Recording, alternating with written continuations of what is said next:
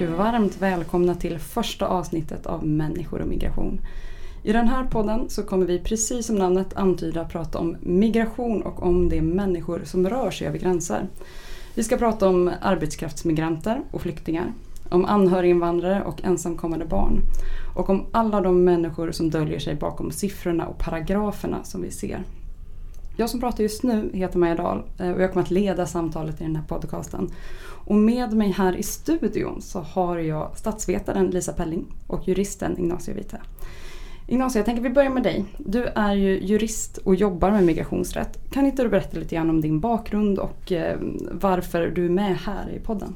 Mm. Eh, jag jobbar som advokat med specialinriktning mot migrationsrätt, företräder asylsökande.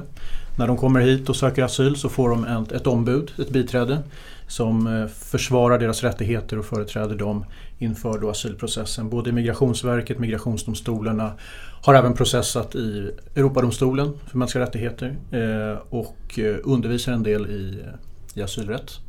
Och håller nu på att skriva en bok om tortyrförbudet och dess tillämpning i migrationsmål. Mm. Mm. Och för allmänheten är du väl kanske mest känd för ett specifikt fall som du varit med och drivit. Kan inte du berätta om det? Jo det kan jag göra. Eh, 2011 var det tror jag. En eh, ukrainsk dam som hette Ganna Cisevska, 91 år, eh, som skulle utvisas till Ukraina och hade inga anhöriga där utan endast eh, anhöriga i Sverige och hon var på den tiden gravt dement och skulle då utvisas. Eh, och vi drev det ärendet till Europadomstolen som stoppade utvisningen den dagen hon skulle utvisas. Vilket blev väldigt uppmärksammat naturligtvis. Sen det slutade med att Migrationsverket eh, beviljade henne permanent uppehållstillstånd. Så här i podden så kommer du alltså komma med det juridiska perspektivet på de frågorna vi lyfter? Ja. ja. Bra, känns tryggt. Eh, Lisa Pelling, eh, du är väl kanske för de flesta som lyssnar på den här podden till en början i alla fall mest känd som eh, utredningschef här på Arena Idé och som ledarskribent på Dagens Arena. Men du har ju också forskat kring de här frågorna och är statsvetare. Kan du berätta lite grann om din forskning? Mm, eh, jag kan säga att min forskning eh, höll på att gå helt fel. För jag ville titta på hur pengar som migranter skickar från Sverige kan bidra till utveckling. Och jag tittade, ville titta på pengar som kurder i min hemstad Uppsala skickade till eh, södra Kurdistan, det vill säga den kurdiska regionen som ligger i Irak. Men när jag väl kom på plats där i Havler och Sulmani i, i norra Irak så eh, visade det sig att pengaströmmarna till stor del hade vänt. Att eh, människor hade börjat skicka pengar därifrån till Sverige eftersom man hade en sån enorm ekonomisk boom då. Så jag fick tänka om lite och det är så det är med, med forskningen. Men jag har väl kan man säga stannat kvar där i remitteringar och tittat på just de här pengaflödena och vad mycket remitteringar och överhuvudtaget migration kan innebära för, för utveckling. Mm. Och remitteringar är alltså namnet på? På pengar ja. som migranter skickar hem som är um, tre gånger större än världens samlade bistånd. Mm. Så det handlar om väldigt mycket pengar som gör väldigt stor nytta på plats familjer får råd att låta barnen gå kvar i skolan, särskilt döttrarna. Man kan äta lite bättre, förbättra sitt boende, man investerar dem kanske i ett litet företag som skapar sysselsättning lokalt. Så det är väldigt, en väldigt eh, mätbar, eh, ett väldigt mätbart bidrag till utveckling. Mm. Och som utredningschef för Arena Idé, vad vill du göra den här podcasten? Oh, jag tycker det är så viktigt att prata mer om migrationsfrågorna och det finns så väldigt många aspekter på det här. Dels så handlar det om hur, hur människor eh, kan tas emot här i Sverige och hur vi bör förbättra asylprocessen men det handlar också om vilken roll som Sverige som land kan spela globalt för att underlätta migration och ja, bidra till att migrationen kan bidra till, till utveckling både i mottagarländer och i de länder som migranterna kommer ifrån. Och framförallt är det väl liksom det som driver både mig och Ignacio, tänker jag, det här med att ställa migrantens, flyktingens rättigheter i centrum. Vad kan vi göra för att stärka människor som rör sig över gränser? Förhindra att de dör till att börja med. Se till att deras rättigheter att få asyl eller kunna jobba legalt respekteras. Mm.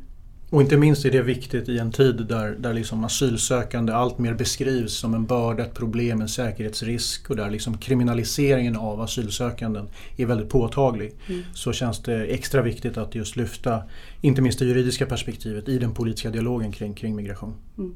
Och då kommer ni från ett varsitt perspektiv här. Ignacio, du kommer prata om det juridiska perspektivet och Lisa, du kommer prata om det statsvetenskapliga perspektivet. Eh, Eh, och jag kommer ställa frågorna. Eftersom det är första avsnittet så tänkte jag att vi kanske pratar mer om, om läget och hur det ser ut idag. Och jag upplever i alla fall när jag slår på TVn eller öppnar tidningen att det pratas väldigt mycket om siffror på, på olika sätt och om väldigt många olika siffror.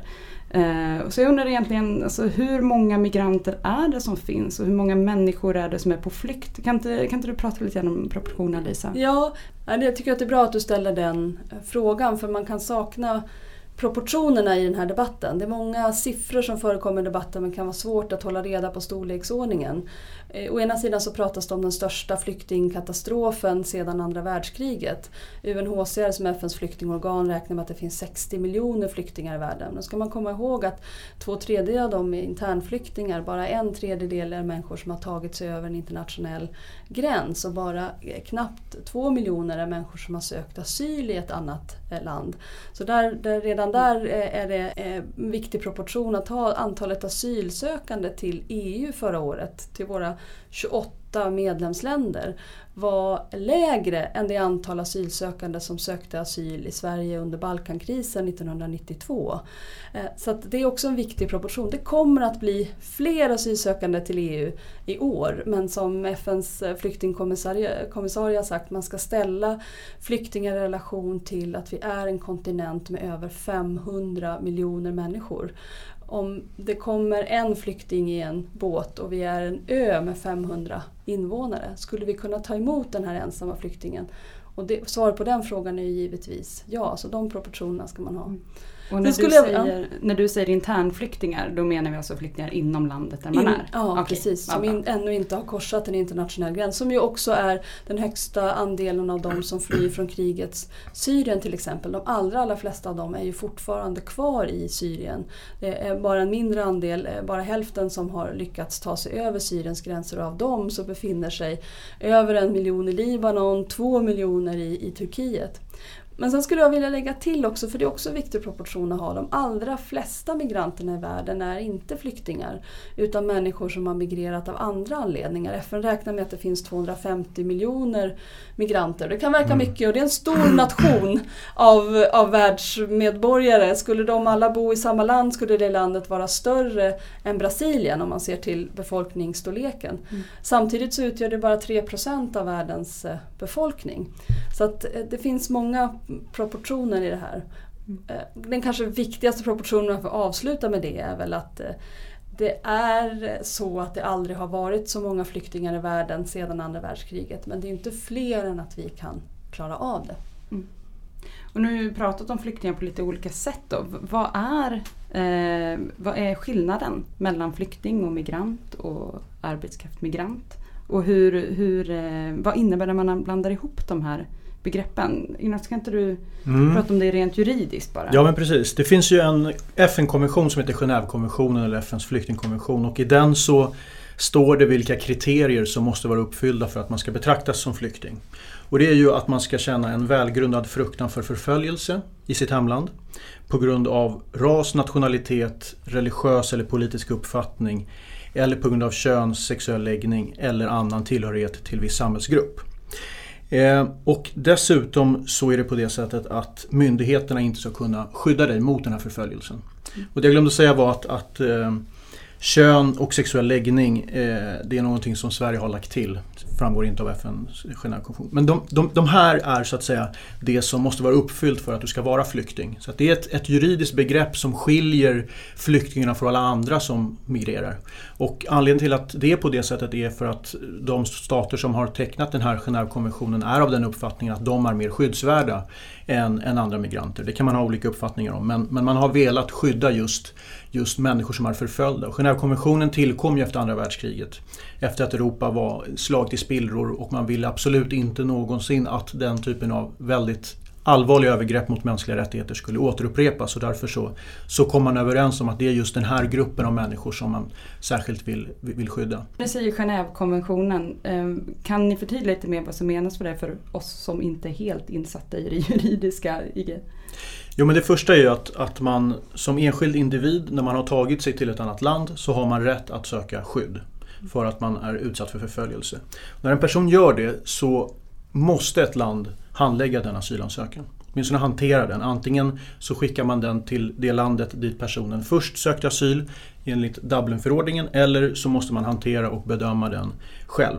Man får aldrig säga nej, vi tänker inte ens bedöma dina asylskäl utan man har en skyldighet att bedöma asylskälen, en rättssäker asylprövning och om personen uppfyller flyktingkriterierna så är man skyldig att bereda den personen skydd.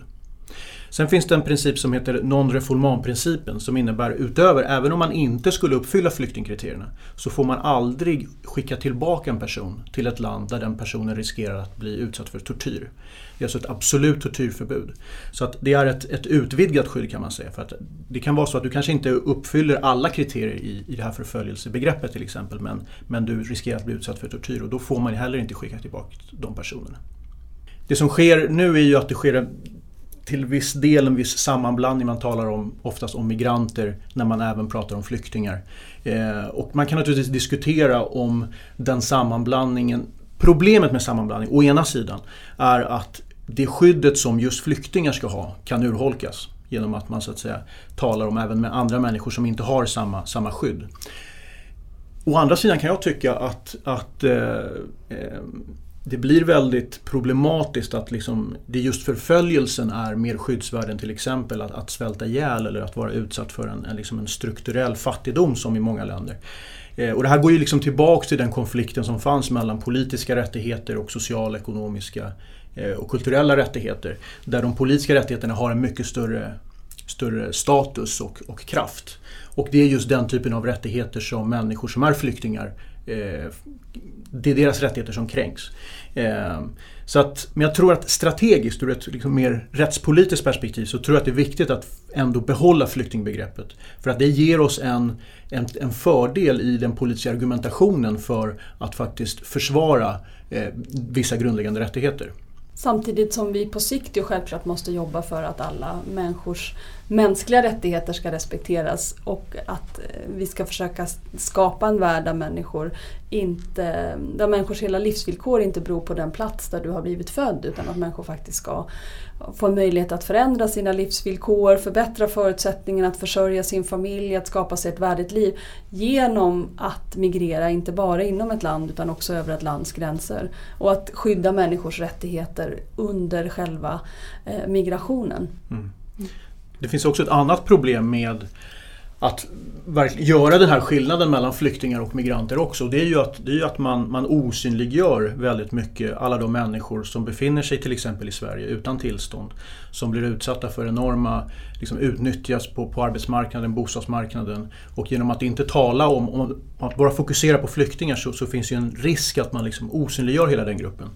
Mm. Ja. Samtidigt kan jag eh, känna också att när det gäller arbetskraftsmigration så är det ju någonting som Eh, varje land kan bestämma om själv. Man kan bestämma vi vill ha invandring av arbetskraft från andra länder eller vi vill inte ha det. Vi vill ha mycket eller vi vill ha lite. När det gäller eh, migration av flyktingar, när människor flyr, då har alla länder som har undertecknat Genèvekonventionen en skyldighet enligt den konventionen att pröva den asylansökan. Eh, och det är en väldigt liksom avgörande skillnad. Och då när eh, man pratar om migrationsströmmar över Medelhavet, när man nu i dessa dagar pratar om migrantkris, då blir det väldigt missvisande. För människor som flyr undan kriget i Syrien, undan den fruktansvärda diktaturen i Eritrea, undan det outhärdliga våldet i Afghanistan, de är flyktingar och vi har skyldighet att ta emot dem i Europa, att pröva deras asylansökan. Det här är ingenting som vi så att säga kan avgöra beroende på hur läget på våra arbetsmarknader ser ut eller bostadsmarknaden. Det är egentligen irrelevant. Vi har en skyldighet enligt konventionen att pröva flyktingars asylansökan. Mm. Och jag vill verkligen understryka det också att, att det, den skyldigheten den är absolut. Det finns inga som helst möjligheter att, att liksom förhandla bort den eller säga som, som Lisa är inne på att det, vi kan inte säga nej till, till personer för att, för att det inte finns bostäder, sjukhus eller skolor utan uppfyller man flyktingkriterierna, är man att betrakta som flykting då då är man skyldig att bereda den personen ett skydd. Och därför blir man ju lite, lite orolig när, när det kommer förslag om till exempel någon som vill att man skulle ha kommuntak för, för antalet flyktingar per kommun. Och, och att taget hela, man relativiserar flyktingbegreppet och det skyddet som flyktingar har genom att, att föra in just ekonomiska argument till stöd för att man eh, inte ska ta emot fler. Jag tänker att vi i en senare podd kommer komma tillbaks till det här med tak och prata om, om olika gränser. Eh, och istället gå vidare och prata lite grann om, om, varför man då flyr. Vi har varit inne lite grann på det men nu liksom vet vi mer. Så här, vad är skillnaden mellan olika sorters flyktingar då? Men varför flyr man just idag? Det är lite grann som jag nämnde eh, tidigare att eh, de flesta som är eh, på flykt idag kommer från tre eller fyra eh, oroshärdar i världen. Det är dels Afghanistan som plågas av inbördeskrig och krig sedan flera decennier eh, tillbaka där, där det eh, också finns en utbredd känsla av hopplöshet. Man har förlorat hoppet om att situationen där kommer att bli dräglig inom en snar framtid. Eh, och eh, situationen i flyktinglägren, alltså i Iran och Pakistan, blir också allt sämre. Och sen är det liksom konflikterna i, i, i Mellanöstern med inbördeskriget i Syrien som någon slags eh, eh härd för detta och, och IS härjningar också långt in, i, eh, långt in i Irak. Och sen är det Afrikas horn med Somalia och, och eh, Eritrea. Och, eh, det här är å ena sidan otroligt svårlösta, långvariga konflikter. Men det är inte så att det är hundratals länder i världen som befinner sig i krig. Utan det är ett antal ganska väldefinierade konflikter som det internationella samfundet, om man verkligen har manken till, faktiskt skulle kunna lösa. Kanske fel men, men kontrollera, skapa någon form av trygghet, dämpa våldet. Det är jag rätt övertygad om att man, att man skulle kunna. Men, men så länge det inte görs så kommer människor fortsätta att, att fly från dem från de områdena. Det som, som många reagerar över det är ju de här bilderna vi nu ser i media. Och att det har kommenterats en del på att det är väldigt många unga män som står och tar selfies på stranden. Eh, kan ni säga någonting om vem är det egentligen som flyr? Ja, det första man kan säga är det här med mobiltelefoner. Eh, det är lite märkligt egentligen att eh, folk har blivit upprörda över det. Man måste sätta sig in i en situation där du måste fly och du vet att vägen du måste fly är dels ska du ta dig över Eh, havet, du måste ta dig i båt från eh, över Medelhavet. Tidigare så var det möjligt att passera in i Europa över landgränsen men de landgränserna är, är på många ställen eh, stängda så du måste ta dig med båt och så måste du rent fysiskt gå över många gränsövergångar så du kan inte ha med dig särskilt mycket packning. Det människor då prioriterar att ta med sig är till exempel en mobiltelefon så att du har karta, GPS, möjlighet att ringa till folk, få information om vad som händer, ha kontakt med någon som hjälper dig under, eh, under, under vägen. Sen är det väl också ett uttryck för att vi kanske tror att människor på flykt är utfattiga. Eh, och så är det inte alls. Det krävs väldigt mycket resurser för att fly, framförallt om man vill ta sig till Europa. Så det är människor i de här länderna det handlar om, i Afghanistan, i Syrien, Eritrea som trots allt har tillgång till resurser. Antingen själva eller att de har hjälp av människor som kanske redan har lyckats ta sig till Sverige eller till andra länder som kan skicka pengar eh, och hjälpa dem att också ta sig ut. De fattigaste av de fattiga de blir kvar inne i Syrien, inne i Afghanistan eller i, i flyktinglägren i så att säga, konfliktens absoluta närhet. Mm. Och sen säger du ju också den andra delen att det är väldigt många män det har ju mm. skrivits om det nu ganska nyligen. Eh, ja, det är nästan två tredjedelar av de som kommer till Sverige består ju av män eller, eller pojkar. Eh, och det är jättesvårt att svara exakt på vad det, vad det beror på. Men, men jag tänker att dels så är ju själva resan till Europa otroligt farlig. Eh, och det finns en enorm risk för att bli utsatt för till exempel sexuella övergrepp och annat. Vilket gör att, att eh, man ogärna så att säga, låter kvinnor resa själva. Mm. Eh, vilket män kan göra på ett helt annat sätt. Det är det första. Det andra är ju att män har oftast är en resursstarkare resursstarkare individer i hemländerna vilket gör att de kan betala för smugglare att, att komma hit. Eh, så det, det, tror jag är, är, två, två viktiga förklaringar till varför det ser ut eh, som det gör. Sen tror jag också att det finns kanske någon bild av att män har lättare att få uppehållstillstånd. Alltså det har kanske att göra lite med, med vilken bild vi har av vem som är flyktingen. Det är fortfarande en, en väldigt manlig norm eh, i, i, att liksom kvinnor och barn har oftast, betraktas oftast ha asylskäl som ett resultat av mannens asylskäl. Och att det är oftast männen som är bärare också av rättigheter och av asylskäl, vilket naturligtvis inte alls stämmer. Men jag tror att den föreställningen om flyktingen lever fortfarande kvar väldigt mycket hos oss alla och, och även hos dem förmodligen. Jag tycker att man skulle kunna lägga till till det resonemanget att om man tittar på alla flyktingar, när UNHCR räknar flyktingar, de här 60 miljonerna, så är hälften kvinnor. Det vi ser på bilderna är de som ger sig iväg från flyktinglägren för att till exempel ta sig till Europa. Och det är de som är mest resursstarka, de som kanske Eh, har bäst fysiska förutsättningar att klara av resan över havet, att klara av de långa sträckorna som man måste gå till fots och det är nog en förklaring till att väldigt många av dem är, är män. Nu har vi pratat om vilka som har tagit sig hit men i debatten så hörs ju väldigt mycket nu eh, Dels har ni sagt ett par gånger här att det är svårt att ta sig över, att det inte finns lagliga vägar och det finns ett, ett, eh, många som kräver att det ska börja komma lagliga vägar. Men hur ska, hur ska vi ändå så förstå att det vi, det vi pratar om samtidigt att, vi, att man har rätt att söka asyl i Sverige eh, och i andra EU-länder också, men att det, inte, att det inte går att resa hit. Jag får inte de här två sakerna gå, gå ihop. Kan, kan ni förklara det för mig? Ett problem är att eh, EU omges av länder som inte har möjlighet att ge människor på flykt en trygghet. Inte många som, de allra flesta flyktingar igen, som, som vi har sagt, de befinner sig i, i närområdet. Eh, människor som flyr från Eritrea befinner sig i Etiopien, på andra ställen på Afrikas horn, i Sudan. Men eh, en del människor kan behöva ta sig längre än så för att kunna söka eh, asyl i EU.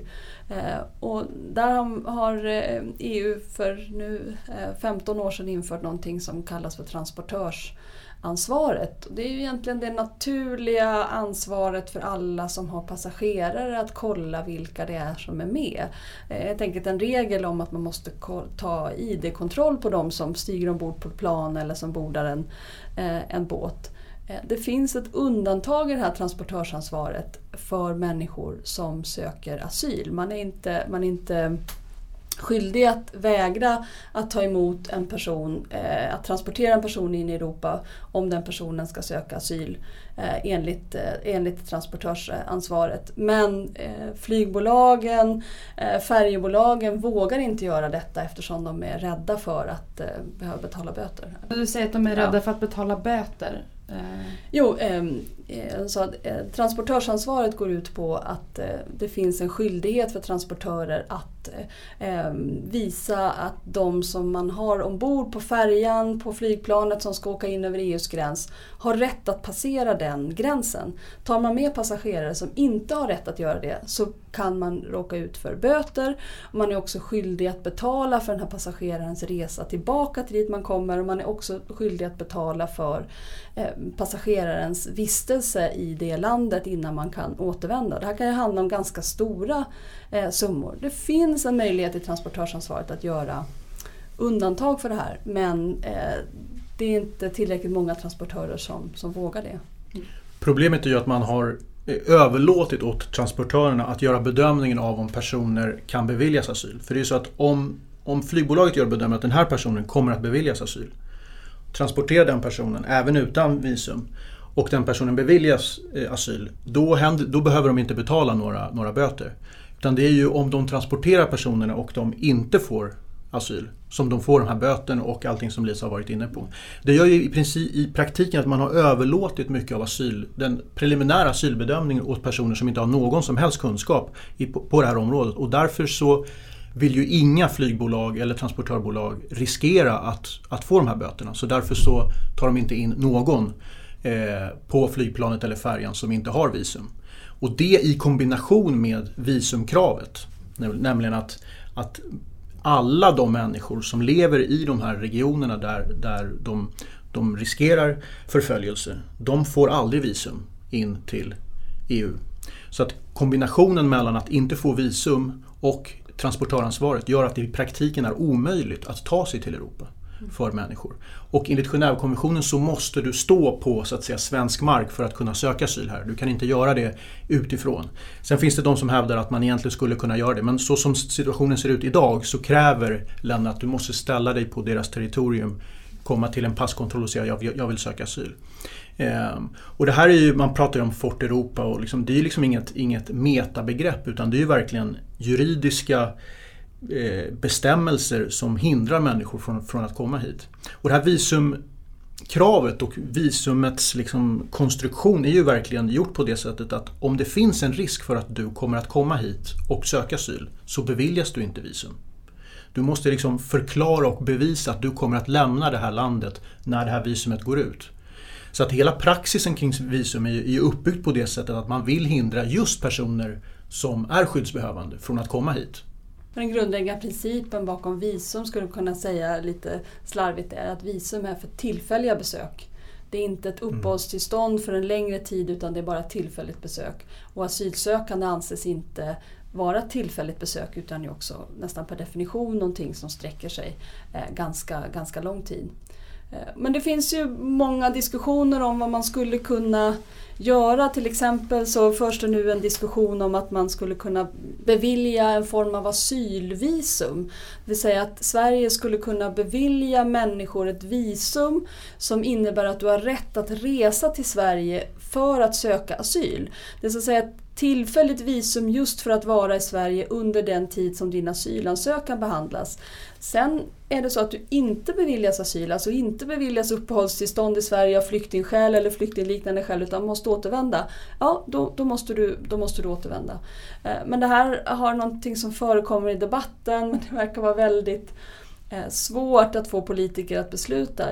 Jag tror, om jag får gissa, så är en anledning till att man tänker sig att inför man väl asylvisum skulle man behöva införa det för alla nationaliteter, för ett obegränsat antal, från nu och långt in i framtiden. Medan jag tror att vi kanske som läget ser ut nu skulle behöva undersöka, kan man utfärda ett visst antal asylvisum för en viss grupp människor i ett visst konfliktområde? Eh, kanske baserat på det vi vet om vilka som är de absolut dödligaste rutterna in i Europa. Om vi går tillbaks till det här med, med lagliga vägar. Jag känner att jag inte riktigt just varför det inte finns det. Eh, Frontex mm. eh, är ju ett begrepp som i alla fall jag har eh, kommit i kontakt med med jämna mellanrum men inte riktigt heller där förstått exakt vad Frontex är. Kan inte ni för både mig och våra kära lyssnare förklara lite mer vad, vad Frontex är och vilken funktion det har? Alltså, förutom visumtvånget och transportöransvaret så har ju EU också stärkt gränsbevakningen, alltså den yttre gränsbevakningen. Eh, och militariserat den i hög utsträckning. Eh, en annan aspekt av det här med att det inte finns lagliga vägar är ju att, man, att eh, EU bedriver, alltså vissa europeiska länder sysslar med det som kallas för pushbacks. Alltså när asylsökande närmar sig territoriet så har man olika typer av åtgärder för att trycka bort dem så att de inte ens kommer till, till gränsen för att, för att kunna söka asyl.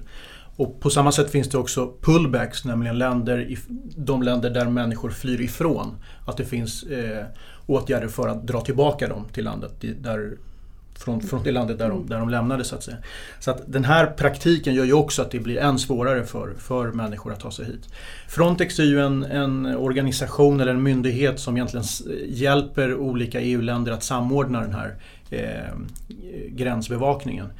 De utför inte själva gränsbevakningen utan de arbetar på uppdrag av olika medlemsländer från EU. Och de har väldigt mycket resurser och har fått oerhört mycket resurser. Eh, så att det är väl det de eh, gör. Mm. Eller hur Lisa? Ja, precis. Och de eh, kom väl till när eh, de enskilda medlemsstaternas gränsbevakning inte riktigt räckte till. Eh, många av oss har sett de här bilderna på de sex meter höga taggtrådsförsedda stängslen som omger Afrikas gräns mot Europa, det vill säga de här spanska enklaverna som finns på marockanskt territorium, Ceuta och Melilla som, som ligger där på den marockanska kusten som är så att säga eh, där Europa möter Afrika. Det är enorma taggtrådsstängsel, det finns vakttorn, värmekameror, automatiska tårgaskastare. När man liksom hade förstärkt den gränsen och människor ändå lyckades ta sig över. Även idag tar sig människor över den här eh, gränsen många dör i försöken, många skadas väldigt allvarligt. Så jag tror att, att Spanien i liksom desperation över att man inte lyckades eh, trots allt detta förhindra så ställde man krav på EU om hjälp och den här hjälpen som du säger då koordinerades i form av Frontex. Eh, som ju också har blivit, precis som du säger Maja, ett, ett begrepp som man, som man använder. Men det man ska komma ihåg här att det är ju med medlemsstaternas goda minne det Frontex gör, gör de i namn av oss alla. Av Mm. alla oss som är medborgare i, i EU. Det är inte någon eh, främmande säkerhetstjänst. Utan det är våra skattepengar som går till att bekosta det. Och de har ju blivit väldigt kritiserade för att eh, kränka mänskliga rättigheter när de så att säga opererar. Eh, och 2011 tror jag så in, inrättade de någon slags människorättsperson som då skulle granska Frontex. Men de här rapporterna är ganska svårtillgängliga och det finns ingen heller möjlighet att lämna in individuella klagomål för om han har blivit utsatt för någonting av dem. Eh, så att de har ju fått väldigt mycket kritik för, för hur, de, hur, hur de opererar. Men den, en väldigt viktig del tycker jag det är ju att titta på, det är enorma resurser som läggs i det här arbetet med att bevaka gränser. Samtidigt som vi vet att den gränsbevakningen oftast inte är särskilt effektiv. Eh, Medan eh, resurserna som handlar om mottagande av asylsökanden och etablering i, i samhället i, har ju liksom Ja, det är väldigt oproportionerligt de två. För att inte tala om de resurser som EU använder för att eh, kyla ner konflikter, förebygga konflikter, stoppa krig. Mm. Då ska man också sätta i, dem, i relation till de pengar som, som eh, används för att finansiera gränsbevakningen. En annan aspekt av det här är ju att ju högre murar vi bygger desto mer pengar omsätter smugglarbranschen. Ja, ja, visst. Människor är tvungna att betala mer pengar till olika former av förmedlare, hjälpare, förfalskare för att kunna ta sig över de här murarna. Och det är inte bara då människor som vill ta sig till Europa för att jobba, vars arbetskraft efterfrågas av europeiska arbetsgivare, utan även flyktingar. Paradoxalt nog, alltså människor som vi har sagt att vi eh, ger en fristad, vi har förbundit oss att ge en fristad till människor som flyr och ändå bygger vi dessa, dessa murar. Eh, och eh, jag tycker att man ser en väldigt skrämmande eskalation av det här. Eh, det börjar kring Ceuta Melilla, då tar folk vägen från Västafrika till Kanarieöarna. Nu patrullerar Frontex båtar utanför kusten. Man kan se dem med blotta ögat om man står på stranden utanför Senegals huvudstad Dakar så kan man läsa Frontex på, på båtarna där. Sen flyttas det vidare till system när man samarbetade med Muammar Gaddafi, den tidigare diktatorn i i Libyen. Det senaste stora projektet som Frontex har ägnat sig åt har varit att stänga landgränsen mellan Turkiet och EU längs den gränsflod som skiljer Turkiet från Grekland och eh, Bulgarien. Evros kallas floden för, på engelska, Maritsa tror jag är den svenska översättningen. Tidigare kunde asylsökande och eh, migranter ta gummibåtar över den här ganska strida, ganska kalla, ganska farliga floden. Men det var ändå en kort sträcka att, att eh, passera. Nu måste man ta gummibåtarna istället till Kos eller till Lesbos för att ta sig in i EU. Mm. Och Och då här- kommer förslagen om att förstöra båtarna. Som, som är liksom det som ska lösa eh, smuggelproblematiken. Vilket också gör att, att om du inte ens kan lämna ditt land. Det är ju en, liksom en förutsättning för att kunna söka asyl, att lämna landet. Eh, om du inte ens kan göra det så, så är det ytterligare liksom en begränsning av, av människors rätt att söka asyl. Så vi har alltså skrivit under på att folk ska, ska få komma hit eller få söka asyl när de har kommit hit. Men vi har genom alla möjliga sätt byggt upp vägar för att de inte ska ta sig hit. Ja, Förstår jag det hela rätt då? Ja, Ja. Precis. Ja. Och då kan man bli helt hopplös. Liksom, bara tänka att det här, det här kommer bara bli eh, värre. Och det är inte nödvändigtvis så. Det finns en hel del konkreta saker som man kan göra. Det kan låta lite krast men jag är till exempel ganska övertygad om att vi skulle behöva räkna de som dör. De som har bäst koll på de här siffrorna idag är enskilda organisationer som är insamlade pengar. Det finns en organisation som heter United som finns i Amsterdam som är de som enligt den internationella migrationsorganisationen IOM är de som har bäst koll. Och det är rätt, rätt absurt med alla de resurser som Frontex har. De för väldigt detaljerad statistik på Frontex. Men de för statistik över hur många människor de tar till havs, hur många irreguljära migranter, nu kallar de dem åtminstone irreguljära, länge så var vi tvungna att vara upprörda över att de kallar dem för ill- illegala, men irreguljära migranter som kommer fram. De för noggrann eh, statistik över alla försök att passera gränsen, men man för inte statistik över människor som dör. Gör man det så skulle man kunna se var dör människor flest? När dör de? I vilka situationer dör de? Eh, för att kunna ha ett handlingsprogram för att så långt det är möjligt åtminstone förhindra att människor dör. Sen krävs det ju mycket information. Jag tror att många inte är medvetna om hur vi och EU eh, hindrar människor från att komma hit. Alltså folk blev ju jätteförfasade när den här filmen kom upp, när en ungersk journalist la ett krokben på en springande eh, som ramlade och, och hur, hur, allt det där sker i Ungern. Men det där är ju liksom ingenting jämfört med vad, vad så att säga, EU gör för att hindra människor från att springa in i EU om man ska, om man ska säga så. Mm. Så att det blir, vi, vi hamnar också tycker jag ibland i en politisk diskussion där, där enskilda individer eller enskilda länder eller politiker utmålas som, som några eh, på ett väldigt negativt sätt samtidigt som politiker som Angela Merkel som ju i och för sig har, har agerat väldigt bra också eh, inte hålls ansvariga för transportörförbudet, visumtvånget och eh, hela den, den verksamheten som i slutändan eh, leder, inte, in, det blir inte krokben men de drunknar. Mm. Det är ju lätt att känna som man sa hopplöshet kring det här. Det kan ju också finnas en känsla hos människor att eftersom trycket verkar vara så högt, människor verkar vara ja, man verkligen villiga att riskera sina liv för att ta sig över EUs gränser. Om det är så att vi tog bort gränshindren, om vi gjorde det enklare för människor att komma in, så tänker man sig att, att då skulle sådana enorma mängder människor, ett så stort antal komma, att, att våra samhällen i Europa inte skulle klara av det. Men det bygger ju på eh, inställningen om att vi inte skulle göra allt det där andra som vi egentligen vet att vi borde göra och som vi faktiskt kan göra. Vi kan göra mycket mer för att förebygga konflikter. Vi kan göra mycket mer för att stärka UNHCRs kapacitet att ta emot flyktingar i närområdet. Vi kan göra mycket mer för att se till att de människor som väl har lyckats ta sig fram till ett flyktingläger, för de är också privilegierade bland flyktingarna som har lyckats ta sig ut ur konfliktområden fram till UNHCR som får någon form av försörjning, som får ett tält, att göra livsvillkoren drägligare i de lägen.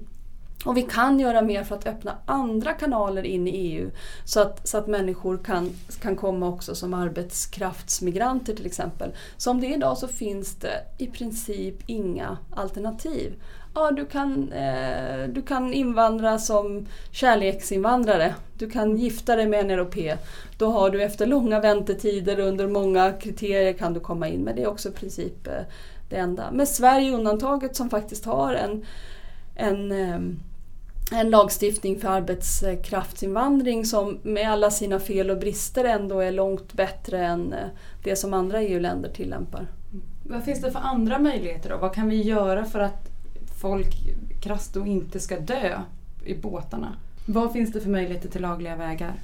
Alltså en, eh, Lisa var inne på det förut tror jag, eh, en möjlig fråga eller möjligt, möjlig åtgärd som har diskuterats är det här med asylviseringar mm. eller humanitära visum som alltså innebär att, att man söker man går till den svenska ambassaden i det landet där man bor eller, eller det land man har flytt till i, inom närområdet och eh, ansöker om visum för att få komma till EU för att där söka asyl. Eh, det är väl egentligen liksom grund, grundkonceptet. Då. Eh, och den möjligheten finns ju redan idag att göra det. Eh, utan att egentligen hela EU måste komma överens om det. Så att när, när den svenska regeringen och andra aktörer talar om att vi måste ha fler vägar in i Europa så är ett svar är att det är möjligt att göra det här och nu. Eh, för det finns nämligen i den så kallade viseringskodexen som är alltså den lagstiftningen som reglerar på vilka grunder man får bevilja visum. Eh, där står det tydligt att man får, stater får bevilja visum på humanitära grunder. Eh, och, eh, så att, så att, eh, det tror jag är en så att säga, möjlig väg. Och det viktiga tror jag det är ju liksom att man inte att man utvecklar eh, strategier och riktlinjer för hur man ska göra det här. Eh, jag tror inte på att, att liksom helt plötsligt införa det som en generell möjlighet. Utan däremot så tror jag att det är läge för ett antal olika EU-länder tycker jag att gå ihop och försöka arbeta fram en metod för hur det här ska gå till.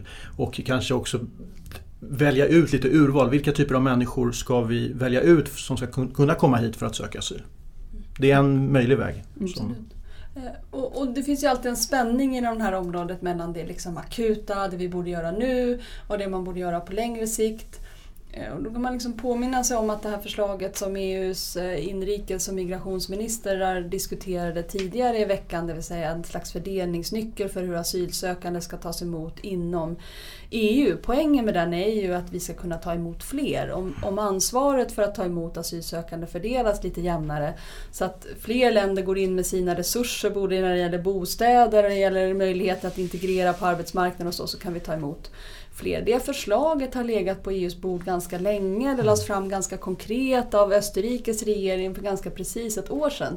Sådana här saker tar tid men det kan leda till, eh, till någonting så småningom. Så ett sånt här förslag kring asylvisum det kan tyckas eh, eh Svårgenomförbart just ja, nu. Ja, när du säger det. Men eh, man måste absolut. börja någonstans. Ja. Jag tror det och jag tror att man måste bli konkret eh, i hur det skulle kunna gå till.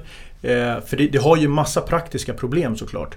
Alltså hur ska man göra den här bedömningen? Kommer ambassaderna bli överfulla av, av ansökningar? Så det gäller ju att hitta former för att göra det. Mm. Men jag tror att vi måste komma fram på något sätt med fler lagliga vägar. Det går inte att påstå att man vill ha fler lagliga vägar och det enda man, man så att säga är beredd att göra är, är eh, att diskutera det. Mm. Man till exempel lyfte upp som ett problem att hur skulle man göra med människor då som kommer till ambassaden eh, och söker om eh, asylvisum? Skulle det vara så att människor inte lämnade ambassadområdet efter det? Men nu har vi möjlighet att ta elektroniska ansökningar eh, och vi skulle kunna göra visumintervjuer via Skype. Så de här lösningarna finns förmodligen på ett helt annat sätt än vad vi kanske föreställer oss. Men mm. som, som Ignacio säger, vi skulle behöva sätta oss ner och, och fundera ut dem. Mm. Och dessutom så är det så att, alltså att asylviseringar generellt, det är inte något nytt fenomen som liksom ingen har någonsin testat. Det finns ett antal EU-länder som har tillämpat det under perioder. Österrike har gjort det, Frankrike har gjort det. Eh, även Sverige har ju, har ju ibland eh, viseringar för exceptionella situationer. Eh, så att det är liksom inte någonting som är, som är helt främmande och helt omöjligt att göra utan det finns en struktur. Det gäller att studera dem, hur har de gått till, till vilka liksom problem kan uppstå och hur kan vi lösa dem. Men att fortsätta på den här nivån så som det är nu med den situationen som vi har i världen menar jag den, den är helt orimlig och kränker människors mest grundläggande rättigheter på ett sätt som gör att, att vi behöver ett politiskt ledarskap som för oss framåt i den frågan. Jag kan tänka mig till exempel att en konkret sak, man säger en, en viss kontingent av humanitära visum som utfärdas till människor som har anhöriga i Sverige. Så att människor från Syrien som lever här i Sverige med den här ständiga fruktansvärda oron för att eh, människor i, i deras eh, släkt, i, bland deras anhöriga dödas i Syrien, att de åtminstone istället för att satsa alla sina besparingar, alla sina möjligheter att låna pengar, alla de pengar som de annars skulle kunna investera i ett bra liv här i Sverige, måste man nu investera i flyktingsmugglare.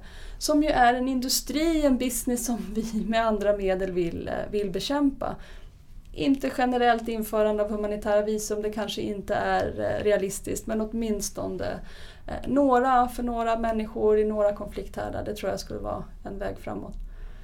Jag vill säga någonting också kanske om det här med, med kvotflyktingar, för det är också en legal väg in i, eh, i Europa. Och det handlar ju om att eh, europeiska eh, länder och andra länder förbinder sig att ta emot flyktingar som av UNHCR, alltså FNs flyktingkommissarie, bedöms ha ett särskilt starkt eh, skyddsbehov. Den, den diskussionen där det handlar om nu handlar ju om att man skulle kunna ta emot många fler eh, kvotflyktingar. Eh, I Sverige vi, eh, har vi förbundit oss i avtal med UNHCR att ta emot 1900. Det är ingenting jämfört med hur många som, som vi tar emot som tar sig hit eh, för att, för att söka asyl på, på egen hand. Eh, och där skulle man kunna öka den mycket. Och det här handlar ju om människor som är i en konflikts absoluta närhet och som i och med att de har eh, identifierats som extra skyddsbehövande av UNHCR, då kan flyga legalt till Sverige. De behöver inte göda eh, smugglarbranschen med, eh, med, sina, med sina sparpengar, med sina resurser, utan kan komma, komma direkt. Det är värdigare, det är mänskligare, det är bättre organiserat. Vi borde göra det med många, många fler. Eh, ja men nu känner i alla fall jag att jag har fått en bättre bild av läget men jag kan också känna att eh, det känns lite mörkt. Finns det någon möjlighet, finns det något positivt som ni ser just nu i kanske vad Sverige kan göra eller kanske något samhället kan göra för, för det läget vi är i idag. Det positiva som jag tycker är alldeles uppenbart det är, ju, det är ju den medvetenheten som på senare tid har väckts och hur, hur debatten i Sverige har skiftat från att prata om hur vi ska begränsa Eh, antalet personer som kommer hit till, till ett, eh, en, en, helt annan eh, utgångspunkt än är ju nu är hur ska vi lösa den här krisen? Hur ska vi hjälpa de här människorna? Och det är ju en, en det är liksom ett perspektivskifte som är väldigt eh, tacksamt och som jag tycker är oerhört positivt. Eh, och det är ju liksom, det är någon slags rörelse som är på gång nu som håller på att utvecklas. En, en asylrörelse som, som ju eh, liksom når väldigt många fler människor än vad den kanske har gjort tidigare. Så det, det, tycker jag är otroligt bra. Sen finns det andra saker som är också väldigt positiva. Jag tycker att det finns en, en historiskt sett en, en maktförskjutning från politiken till domstolarna inom migrationsrätten. Alltså det var det var Europadomstolen som sa att det går inte att skicka tillbaka människor till Grekland enligt Dublinförordningen för där är förhållandena alldeles för dåliga. Inte politikerna. Det var EU-domstolen som sa att ensamkommande flyktingbarn kan inte skickas tillbaka eh, enligt Dublinförordningen till det första landet. Det är Europadomstolen som har stärkt asylsökandes rättigheter som har varit tortyrskadade. Så att det finns liksom en progressiv utveckling inom juridiken som jag tror är väldigt viktig och i en politisk eh, asylpolitisk rörelse tror jag att det är viktigt för oss nu att bredda vårt perspektiv och också ta in de juridiska påverkansmetoder för att eh, nå en framgång. För som det ser ut nu i Europa så verkar det politiska läget vara ganska låst. Däremot så genom att åberopa konventioner, rättighetsjuridik och genom liksom en strategisk eh, bruk av den typen av, av, metoder så tror jag att det finns en potential i att, i att stärka dem. Inte minst med den liksom, folkliga medvetenheten som börjar väck, väckas runt om i Europa. Jag skulle nog också säga det att när Angela Merkel går ut och säger vi schaffen das, vi klarar det här. Eh, så tar, så tar hon ett väldigt, väldigt viktigt steg och bevisar det som vi egentligen visste och det är att när eh, politiker visar vägen så kan de faktiskt vända eh, opinionen det som ger mig eh, optimistisk är att vi egentligen vet att migration är någonting som är bra. Särskilt i vår del av världen där vi har på sikt en krympande befolkning, en allt äldre befolkning. Så är det bra för våra ekonomier, det är fantastiskt för våra samhällen att människor kommer hit. Vad vi letar efter är politiska lösningar som kan fördela de här kortsiktiga kostnaderna som uppstår. Och då har vi sett liksom den här folkliga solidariteten som visas nu i att folk är villiga att, att försöka sådana vägar. Man är villig att rösta för en sån eh, politik. Sen eh, ser jag det väldigt eh, politiskt också. Jag tror att det är bra att Europa står upp för sin värdighet. Vi har, eh, vi har lagar och regler som ska garantera att vi umgås med varandra på ett mänskligt och rättssäkert sätt. Men det, det räcker liksom inte. Vi måste också ha en, en, en berättelse, en färdplan för hur de här kortsiktiga kostnaderna och de långsiktiga vinsterna ska fördelas. För är det så att människor upplever att den kostnad som är av asylmottagning eller de första åren i Sverige när man ska integreras, att de fördelas på människor som har ont om resurser. Att det är de skolor som redan idag fungerar dåligt, att det är de bostadsområden som redan idag har ont om resurser som får bära en alltför stor del av den kostnaden. Ja, då tror jag inte att det finns ett stöd. Kan man däremot visa, och det kan man ju om man tror på fördelningspolitik, att vi, att vi fördelar de här kostnaderna på ett vettigt sätt, ja då finns det alla möjligheter att eh, inte bara öka eh, möjligheten för Sverige att ta emot människor på flykt och andra människor som migrerar utan också för hela EU att göra det. Men det, jag tror det kräver politik och det kräver fördelningspolitik. Eh, att tro att man kan riva gränser utan det tror jag inte bara är, är naivt utan kanske också eh, farligt. Men då tycker jag att vi avrundar där helt enkelt med den här lite mer positiva bilden. Eh, det här var alltså första avsnittet av Människor och migration. Eh, och det, nästa avsnitt kommer redan om en vecka. Eh, och då kommer vi att prata om asylprocessen. Vad är det då som krävs för att få stanna i Sverige? I vilken mån är vi bundna av internationella konventioner och EU-förordningar eller direktiv? Och vad kan Sverige bestämma över själva? Lite grann det vi har pratat om idag men väldigt mycket mer fördjupat helt enkelt. Eh, och vi siktar sen eh, framöver att släppa avsnitt varannan vecka. Eh, och kommer att ta oss an en hel del ämnen. Är det så att man inte kan vänta och vill fortsätta lyssna på poddar som Arena Idé producerar så finns ju våran syskonpodd eh, Pengar och politik som släpper ett avsnitt redan imorgon då de gästas av Hyresgästföreningens chefsekonom Marielle Julin.